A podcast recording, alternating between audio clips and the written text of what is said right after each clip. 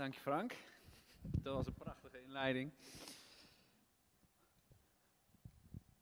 Het is uh, zeker voorrecht om zo uh, met Frank op te trekken en uh, dit ook samen te doen en met elkaar zo. ja, waardeer enorm onze vriendschap en zelfs de grapjes die je maakt. Geweldig. Maar vooral wat ik het meeste eer aan Frank is dat hij echt, echt gewoon een geweldige vader is. Echt een geweldige vader is voor zijn kinderen en ik leer enorm veel van hem. Hoe hij met zijn kinderen omgaat. En hoe hij dat doet en hoe hij uh, zijn rol in zijn gezin heeft en um, dat alles uitstraalt in ja, waar hij ook komt, dat hij een vader mag zijn. Dus dat uh, is wel echt iets wat ik waardeer aan hem en wat ik ook wil zeggen. En ook mijn eigen vader is vandaag Peter, Peter Bron. Nog even zeggen hoe trots ik ook op jou ben en dankjewel dat je ook uh, ja, hier bent. En echt geweldig hoe hij ook opa is voor mijn kinderen en ja, ik hou heel veel van je. ja. Frank las het net al, de tekst die we met elkaar eh, naar willen kijken, eh, waar we het over willen hebben, is God loven. Prachtige psalm 139, misschien kunnen we hem eh, erbij pakken. Daar zegt het eigenlijk al, daar begint de psalm eigenlijk zo mooi mee. Heer, u kent mij. Alleen deze drie woorden al, u kent mij. Hoe mooi is het dat we geboren zijn, geweven in de schoot van de buik van onze moeder. En dat God ons door en door kent. Dat Hij ons lief heeft, van ons houdt, ons bij ons naam geroepen heeft. Hij kent ons. Psalm 139, vers 13 en 14. U was het die mij nieren vormde, die mij weefde in de buik van mijn moeder. En ik loof u voor het ontzaglijk wonder van mijn bestaan. Wonderbaarlijk is wat u gemaakt heeft. En ik weet het tot in het diepst van mijn ziel. Dat is hoe de schrijver van David hier ook dat benoemt en beseft dat hij wonderlijk gemaakt is.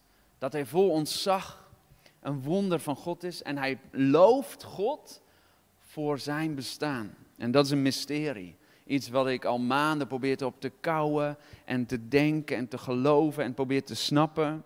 Maar het mooie is dat als wij een wonder zijn, dat we dat ook helemaal niet hier kunnen begrijpen. Want wonderen zijn er eigenlijk ook niet om te begrijpen. Anders verliest het zijn kracht. Een wonder is ook een wonder. Die begrijpen we niet hier. Lof prijzen. De schrijver die loofde God voor het ontzaglijk wonder. Hij wist dat in het diepst van zijn ziel. Dus er wordt gepraat over zijn emoties, over zijn hart, over alles wat hier in je onderbuik afspeelt. Wat je voelt en ervaart. Een theoloog uh, zei eens een keer: er is één ding waar de kerk voor geroepen is, en dat is de lofprijzing van God. Die zal dag en nacht doorgaan in de wereld. Waar we ook ons bevinden, hoe we ons ook voelen, maar de lofprijs zal altijd doorgaan. En ik wil nog kort bij dat woordje stilstaan, want lof komt dus ook eigenlijk van belofte of gelofte. En ook zo prachtig in bruiloft. Dat is zo mooi. Want eigenlijk dus wat er gebeurt als je gaat trouwen, dat je plechtig hè, aan die ander zegt, ik zal in voor- en tegenspoed, zal ik trouw blijven na die ander. Zal ik er alles aan doen, dag en nacht zal ik die persoon liefhebben. Zal ik voor die persoon zorgen. Trouw zijn, liefhebben. Zal ik geven, zal ik dienen. Dat is wat je op een bruiloft eigenlijk toespreekt. Plechtig een belofte maakt. Ik beloof plechtig. En je gaat dan niet alleen een zielsband aan met die ander, maar nog mooi een verbond. Een verbond sluit je met iemand. En dat is iets heiligs, iets moois, een bruiloft tussen man en vrouw waar niemand tussen mag komen. Maar niets of iemand zo heilig is dat tussen mag komen. Wat dat God gemaakt heeft, daar mag niets of iemand tussen komen. Het is iets heiligs, iets moois. En ik heb het ook, we hebben het ook in onze ringen gegraveerd. Eigenlijk heb ik ingezet in een mooie tekst in Hooglied ook. Zij is van mij, staat in mijn ring. En bij haar staat, ik ben van hem. Hoe mooi is dat? dat is lof. De belofte die je maakt om in de waarheid te staan. Dus loven gaat veel verder als, als Hem eren, als Hem danken, als, als God prijzen. Het is iets dat je in de waarheid gaat staan en God zal gaan loven en de belofte en de verbond die jij met God hebt. En dat gaat samen met een prijs. Want lof prijs. Daar praten we over. En zo gebeurt het ook in een huwelijk. Dat je ervoor kiest, ook als je het niet voelt, ook als mijn vrouw even iets anders soms dan dat ze overkomt, of ik heel vaak, dat we er kiezen voor die ander om lief te hebben, om te vergeven, om die ander te dienen, te eren. Dat is lof, prijs. Je bent bereid om een prijs te betalen. En als je dan eerlijk naar jezelf kijkt, wat kost het voor mij nou eigenlijk om een christen te zijn? Kost het eigenlijk wel iets van jou om een christen te zijn? Denk eens goed eens na over die vraag. Wat kost het jou eigenlijk? Als het jou niets kost, we beloven plechtig, als we in Jezus geloven en dat Hij onze Heer en Redder is, dat we Hem zullen volgen. Jezus willen u volgen. In voor- en tegenspoed. Altijd, wat er ook gebeurt. Hoe het er ook uitziet. Ik beloof plechtig. Je kiest ervoor. God te loven. Dat prijzen in de rechtbank kan je dus eigenlijk, oh, dat is zo mooi, voor iemand lauwen. Daar komt dat ook vandaan. Je kan dus in de waarheid gaan staan voor iemand en zelf bereid te zijn om die prijs te betalen. Is dat niet wat Jezus deed? Dat Hij voor ons zijn leven gaf om die prijs te betalen. Waarom? Omdat wij van zo grote waarde zijn. En dat is wat de schrijver hier in het diepst van zijn ziel beseft. U kent mij. En dat wonder, dat ben jij. Jij bent zo van waarde voor hem dat hij bereid was zijn leven te geven. En dat is iets wat je dus niet hier, maar dat gaat dus over je hart, over je ziel. Ik ga altijd met aard te goede, één keer per maand naar een voorgangersbid stond. En toen kwam dit te sprake met andere geestelijke verzorgers in Ede en theologen, predikanten. En toen ging het dus over geloven doe je dus eerst met je verstand. En die ander zei nee, maar hij weefde ons in de buik van mijn moeder. En, en, en de nieren vormde hij en intuïtie en gevoelens, dat hoorde erbij. En toen stond een kleine discussie, dat was, was op zich wel heel grappig. En toen schoot mijn veste binnen van ja, de gouden regel is dus wel, heb de Heere God lief met heel uw hart, uw ziel en verstand. En heb je naaste lief als jezelf. Dus ook geloven doen we dus met ons ziel, met ons hart. Niet alleen met ons verstand. Heb je naast lief als jezelf. Maar nu is de vraag, hoe lief heb jij jezelf? In de goede zin. Als we onszelf dus niet lief kunnen hebben, zoals de schrijver hier zegt. Geen waarde achter naar onszelf. Hoe zouden we dan de ander lief kunnen hebben of God kunnen loven, waartoe we geroepen zijn? Het is zo mooi als je deze psalm lees en misschien wel verder in de Engelse vertaling of de Passion. En er wordt ook gesproken over dit, misschien heb je het wel eens gehoord, you are fearfully and wonderfully made. Fearfully. Daar zit iets beangstig in, in de goede zin. Fearfully. Dat het zo heilig, dat het een vrezen is, beangstig is, een schrikbarend, dat je eigenlijk versteld van staat hoe mooi jij bent. En niets in jou is onvolmaakt zonder vlek of rimpel, heilig, rein, gerechtvaardig, schoon, zonder schaamte, zonder schulte. Iets zo prachtigs. Een diepe respect en eer spreekt van fearfully. Er is waarde dus over in jou gevonden door God, jouw maker en jouw schepper. Daar mag niet aan getwijfeld worden. Daar mag geen discussie over gevoerd worden. Zo wonderbaarlijk ben jij gemaakt en dat zal jou God doen loven. Veerverlie komt niet vaker voor in de Bijbel, maar wel veervol of veer. En veervol bijvoorbeeld in Exodus 15, waarin we eigenlijk God dus door die zee dat wonder doet, de zee splijt, Mozes gaat er doorheen met het volk. En dan schrijft Mozes een loflied voor de Heer. En daar lezen we in Exodus 15, vers 16 zo mooi, dat het hele volk in verschrikking en angst was voor wat God deed. Zo wonderbaarlijk was het. Op hen viel verschrikking en angst. Een vrezen des Heren.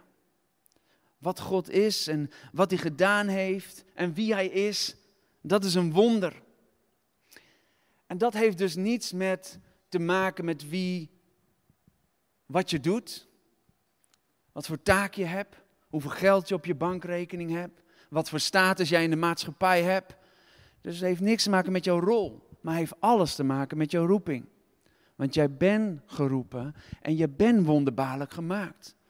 Maar ook al ben je werkloos, of ben je een directeur of manager, of heb je heel veel geld, of juist heb je weinig geld, of heb je wel een diploma, of je bent niet geschoold en je hebt geen diploma. Dat heeft niets te maken met het waarde dat God in jou acht. Helemaal niets. En dat is door mijn jaren heen. Ik ben jaren slager geweest en bij Defensie en in fabriek gewerkt en s'nachts schoonmaken en weet ik het allemaal. En dan mag je in een kerk werken. Maar dat heeft helemaal niets te maken met wie wij zijn. Dat is waarde in jou gevonden, wat er ook is, waar je ook bent, ben je wonderbaarlijk gemaakt. Dat is iets wat je overal en altijd bent. Dus of je nou van betekenis bent in de maatschappij of niet, er is waarde in jou gevonden. En dat doet het hart van God bewegen. Als wij, net als de schrijver, dat kunnen echt geloven in het diepst van onze ziel, want we horen het vaak. Je bent van waarde, je bent kostbaar en bent mooi. Mijn moeder stuurde het vanmorgen ook nog. Zoon, je bent wonderbaarlijk, je bent kostbaar. En ze maakt, hoe vaak horen we het nou niet? Ze wist niet eens waar ik het over ging hebben. Zo mooi. Maar beseffen we dat echt? En ik denk en ik geloof als we dat echt in het diepste van onze ziel beseffen, wat ik nog steeds misschien niet ten volle kan begrijpen, wat de schrijver hier schrijft over mijzelf, dan ben je dus gewoon altijd, kan je God gewoon loven, elke dag en elk moment, hoe de omstandigheden er ook uitzien. En ik geloof dat dat, ook al voel je het niet, dat God dichtbij is, dat Hij jou kent, dat, je, dat Hij jou beschermt. Of als je zo ziek bent, of je afgewezen voelt, als mensen iets over je zeggen. Als je dan in staat bent God te loven, dat beweegt het hart van de Vader. We hebben het over Vaderdag. En als we God ergens dankbaar voor kunnen zijn, dan is het voor jouw bestaan. Lieve mensen, dank is jouzelf voor wie jij bent, voor wie God jou gemaakt heeft. Jij bent zijn oogappel. Jij bent zijn geliefde kind. En zo ervaar ik dat tenminste als mijn kinderen komen. En mijn dochter was pas jarig. Ze prachtige jurk aan. En ze, papa, kijk eens hoe mooi ik ben. En dan word ik alleen maar blij. Dan word ik blij ervan. Maar aan de andere kant, als mijn kinderen opstaan te huilen omdat er op school iets gezegd is, of dat ze iets aan hebben wat ze denken dat niet mooi is, of wat lelijk is, waardoor ze niet denken en geloven dat ze niet van waarde zijn, dan doet het mij ook pijn. Dan doet het mij verdriet als ouder. En dan ervaar ik dat soms als ik dan zo vaak aan mijzelf twijfel. Hè, of ik wel goed genoeg ben, of ik wel van waarde ben. Dan doet dat iets met de Vader, denk ik. Dan verdraaien we de zaak. Dus wij achten geen waarde meer in God in wie Hij is, wat Hij gemaakt heeft, of we achten geen waarde meer in onszelf. Wij verdraaien de zaak. Dus je kan, of het kan zo goed gaan en je hebt zoveel in de maatschappij dat je God denkt niet meer nodig te hebben. Dan acht je geen waarde meer in je maker, in God. Dan word je trots en kijk eens wat ik allemaal gedaan heb in het leven. En mijn huis en mijn gezin en alles. En mijn auto die ik inrij en zoveel geld. Dan acht je geen waarde meer in God. Of ten tweede, je acht jezelf niet meer als waarde. En dat je dus gelooft en bent gaan geloven dat God er weinig van terecht heeft gebracht. Dus dat er iets in jouw ziel hebt gezegd dat je niet goed genoeg bent. Dat je niet mooi bent. Dat je niet van waarde bent. Dat, je niet, dat God je niet beschermt. Dat Hij je niet echt kent. Dat Hij niet echt voor je zal zorgen omdat je misschien niet getrouwd bent, of geen kinderen hebt, of niet een geweldig huis, of een geweldige baan hebt, of dat je je in de steek gelaten voelt door andere mensen, door wat ze jou hebben aangedaan, of in de situatie waarin je verkeert. Dan ben je in je diepst van je ziel misschien wel overtuigd dat je niet van waarde bent. En dan gaan we andere dingen, andere bronnen toelaten in ons leven bronnen van ongeloof of wantrouwen of zelfveroordeling of schaamte of schuld of zelfhaat. En dan gaat het ook een prijs kosten, maar ten koste van je eigen leven. Want dan komt er tussen jou en God dat verbond, wat eigenlijk heilig is, wat zo prachtig is, komt iets tussen. En gelukkig gebeurde het in de Bijbel ook al. In Jesaja 29 zegt het zo mooi. Jullie verdraaien de zaak. Isaiah 29. Vers 16. Jullie draaien de zaken om. Is de klei soms meer dan de pottenbakker? Kan het maaksel over zijn maker zeggen: Hij heeft mij niet gemaakt? Of het aardewerk over de pottenbakker: Hij brengt er weinig van terecht?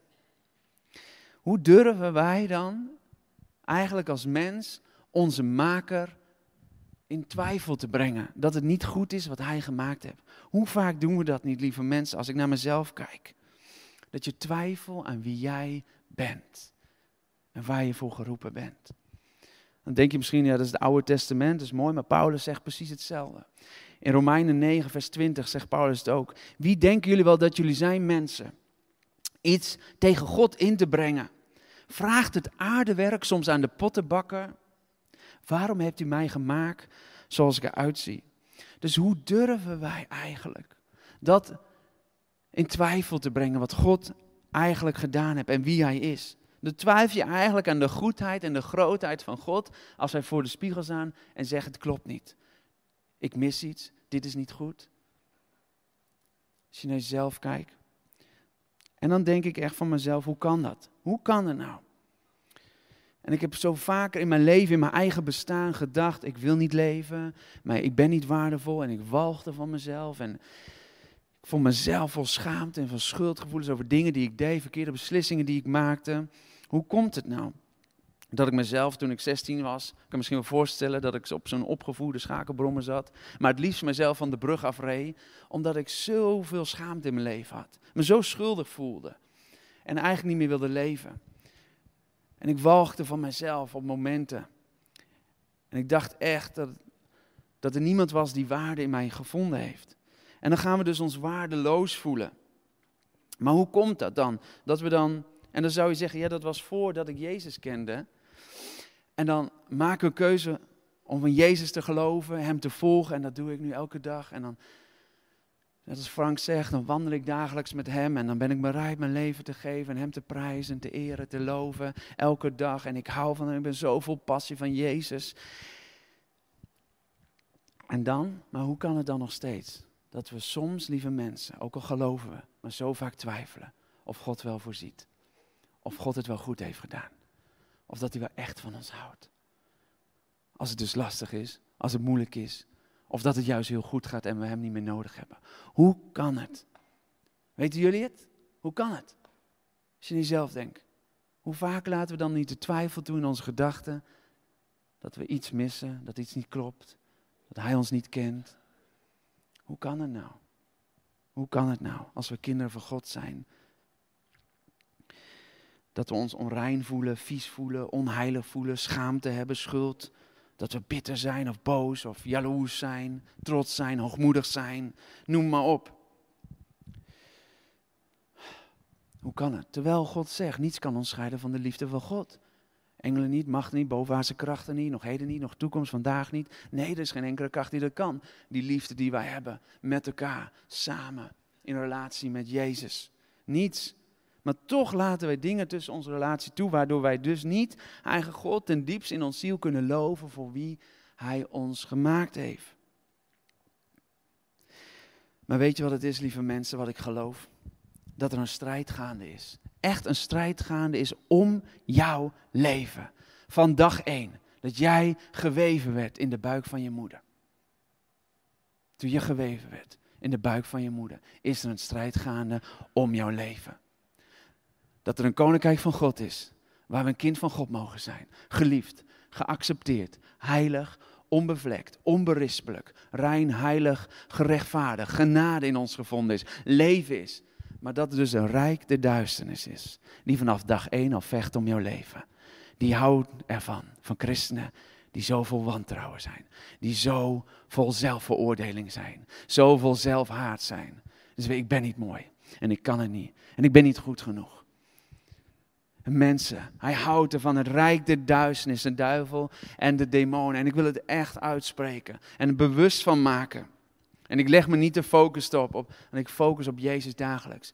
Maar er is een rijk der duisternis. En daarom doet het mij steeds beseffen dat elke twijfel, elke angst, elke alles waar ik me zorgen om maak.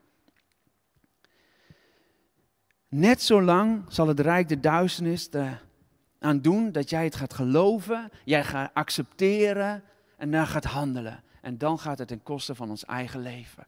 En onze verbond met God en het eeuwig leven dat we met Hem hebben. En zelfs zover dat het zo donker en duister wordt in jouw leven. Dus dat depressie, ziekte, burn-out, weet ik wat er ook gebeurt, lichamelijk, geestelijk, in onze ziel, dat het ziek wordt. Omdat we iets zijn gaan geloven wat niet in overeenstemming staat met het woord van God. Dat we echt zijn geloven dat we niets nut zijn. Dat we niet toe doen. Dat we doelloos zijn. Dat je niet van betekenis bent. Dat je jezelf minacht. Oh, en dat maakt niet uit of je nou hier staat en je iemand wat mag vertellen over het woord van God. We hebben het in ons leidersteam ook zo vaak over. Tegen onszelf. Dat er weer iemand is dat die zich niet goed genoeg voelt. Of dit er niet toe doet. Of dat voelt. Of zichzelf geminacht voelt. Of dat we soms zo veroordeeld voelen. heeft niets mee te maken met welke rol je hebt in het leven. En daar mogen we ons dus echt van bevrijden. En dat brengt me eigenlijk bij het beeld wat ik had bij Paulus en Silas. En daar komt dat lied ook zo mooi wat mijn vrouw had. Paulus en Silas in de kerker. Die vastgeketend zaten in de kerker. Handelingen 16, vers 23. Paulus en Silas hadden net iemand bevrijd, demonisch bevrijd. En daarvoor werden ze gegezeld en vastgeketend in een kerker. En nadat ze een groot aantal slagen hadden gekregen, werden ze opgesloten in de gevangenis. Waar de gevangen bewaarde opdracht kregen hun streng te bewaken. Overeenkomstig dit bevel bracht hij hen naar de binnenste kerker en sloot hun de voeten in het blok. En om middernacht waren Paulus en Silas aan het bidden en zongen zij lofliederen voor God. De andere gevangenen luisterden aandachtig. En plotseling deed zich een hevige aardschok voor, zodat de gevangenis op haar grondvesten trilde. Alle deuren sprongen open en bij iedereen schoten de boeien los. De gevangenbewaarder schrok wakker en toen hij zag dat de deuren van de gevangenis open stonden, trok hij zijn zwaard om zelfmoord te plegen. Maar Paulus riep, doe uzelf niets aan, wij zijn immers nog allemaal hier. De bewaarder vroeg om een fakkel, rende naar binnen en viel bevend voor Paulus en Silas op de grond. En hij bracht hen naar buiten en vroeg, wat moet ik doen om gered te worden? Geloof in de Heer Jezus en u zult gered worden. En zo verkondigde het woord van de Heer aan hem en iedereen die bij hem woonde. Paulus en Silas zaten dus vastgebonden in een kerker, waar het duister, waar het leeg was. En alles in hun, geloof ik, als je eraan denkt, alles in hun zegt het eigenlijk, God, waar bent u? Waar ze zitten daar, geslagen, vastgeboeid met hun voeten. Waar bent u nou, God? We volgen u elke dag. We houden van u. We verkondigen uw woord, maar wij zitten vast. En het is donker en het is duister. En ze kunnen niet uit die gevangenis. Maar wat er gebeurt, is dat ze opstaan. Zo mooi. En ze begonnen God te loven. En een loflied werd ineens als wapen. Het werd een wapen, lieve mensen. Loflied functioneerde als een wapen. Als alles in ons, duister misschien wel, of in ons ziel iets is wat we zijn gaan geloven, gaan accepteren of handelen daarna, wat tussen God en in ons instaat, dan mogen we een loflied opheffen mogen gaan loven. Dan zal het als een wapen zijn en zal het elke duisternis doorbreken. Alles waar we vast, want we kunnen van Jezus houden. We kunnen bij het koninkrijk van God horen, maar nog steeds vastzitten. Nog steeds vastzitten. We hebben er vaak over verkondigd, over gesproken. Frank ook over zegen en vloek. We kunnen nog steeds in een bepaald gebied vastzitten in ons leven. Omdat we dus de twijfel hebben toelaten in ons ziel diep zijn gaan geloven maar ze loofden God. Paulus en Silas, ze stonden op. Jezus, u bent sterker. Ook al zit ik vast. Jezus, u bent groter. Jezus, u bent geneesheer. Jezus, u bent bevrijder. Jezus, u bent Jehovah Jireh. Jezus, u bent voorziener. En ook al heb ik geen geld, ook al voel ik me vies, ook al voel ik mij onrein, ook al voel ik mij in de steek gelaten, ook al voel ik niet dat u hier aanwezig bent, of ben ik ziek, of twijfel, of ontmoedig, en heb ik wantrouwen en veroordeel ik mezelf. Jezus, u bent groter. U bent sterkte. They raised the hallelujah. They raised the hallelujah. Amen. een vraag om de band te komen, want we gaan met elkaar God loven. En we gaan het als een wapen gebruiken om de waarheid van God uit te proclameren over jouw leven. Over jouw leven. Lieve mensen, het is niet gek dat je deze gedachten, dat ze misschien in diep van je ziel zitten. Jezus zelf. We eindigen onze boodschappen altijd met Jezus zelf. Want dat is de rots waarop we staan, waarop we vertrouwen en in geloven. Jezus zelf in de woestijn. Hij werd geleid naar de woestijn. En wat gebeurde er in de woestijn, lieve mensen?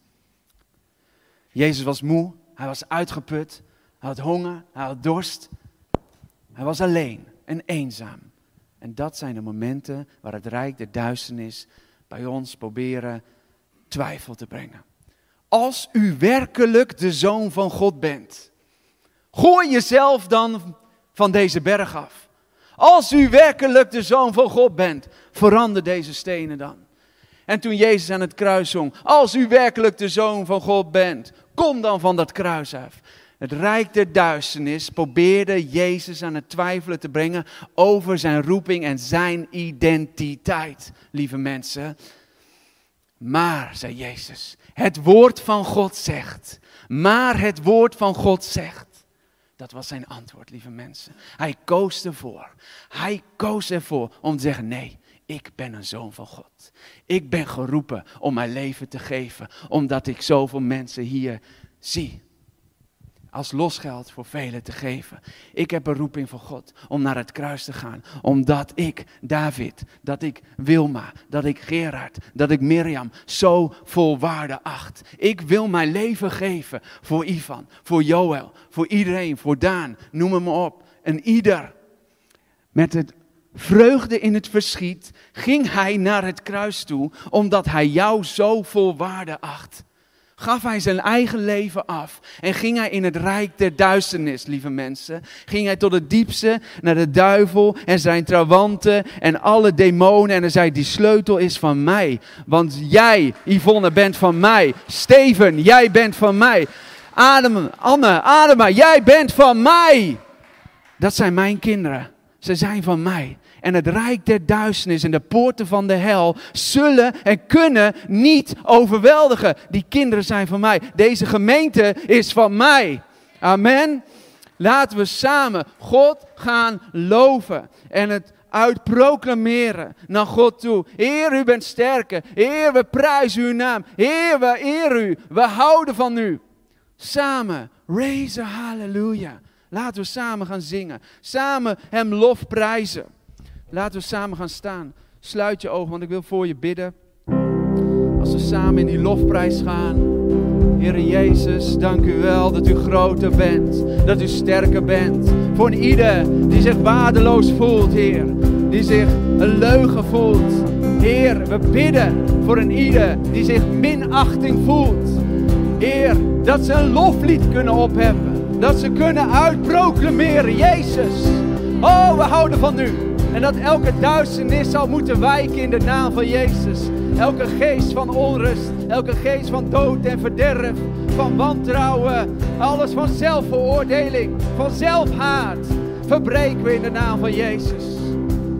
Raise hallelujah. Raise a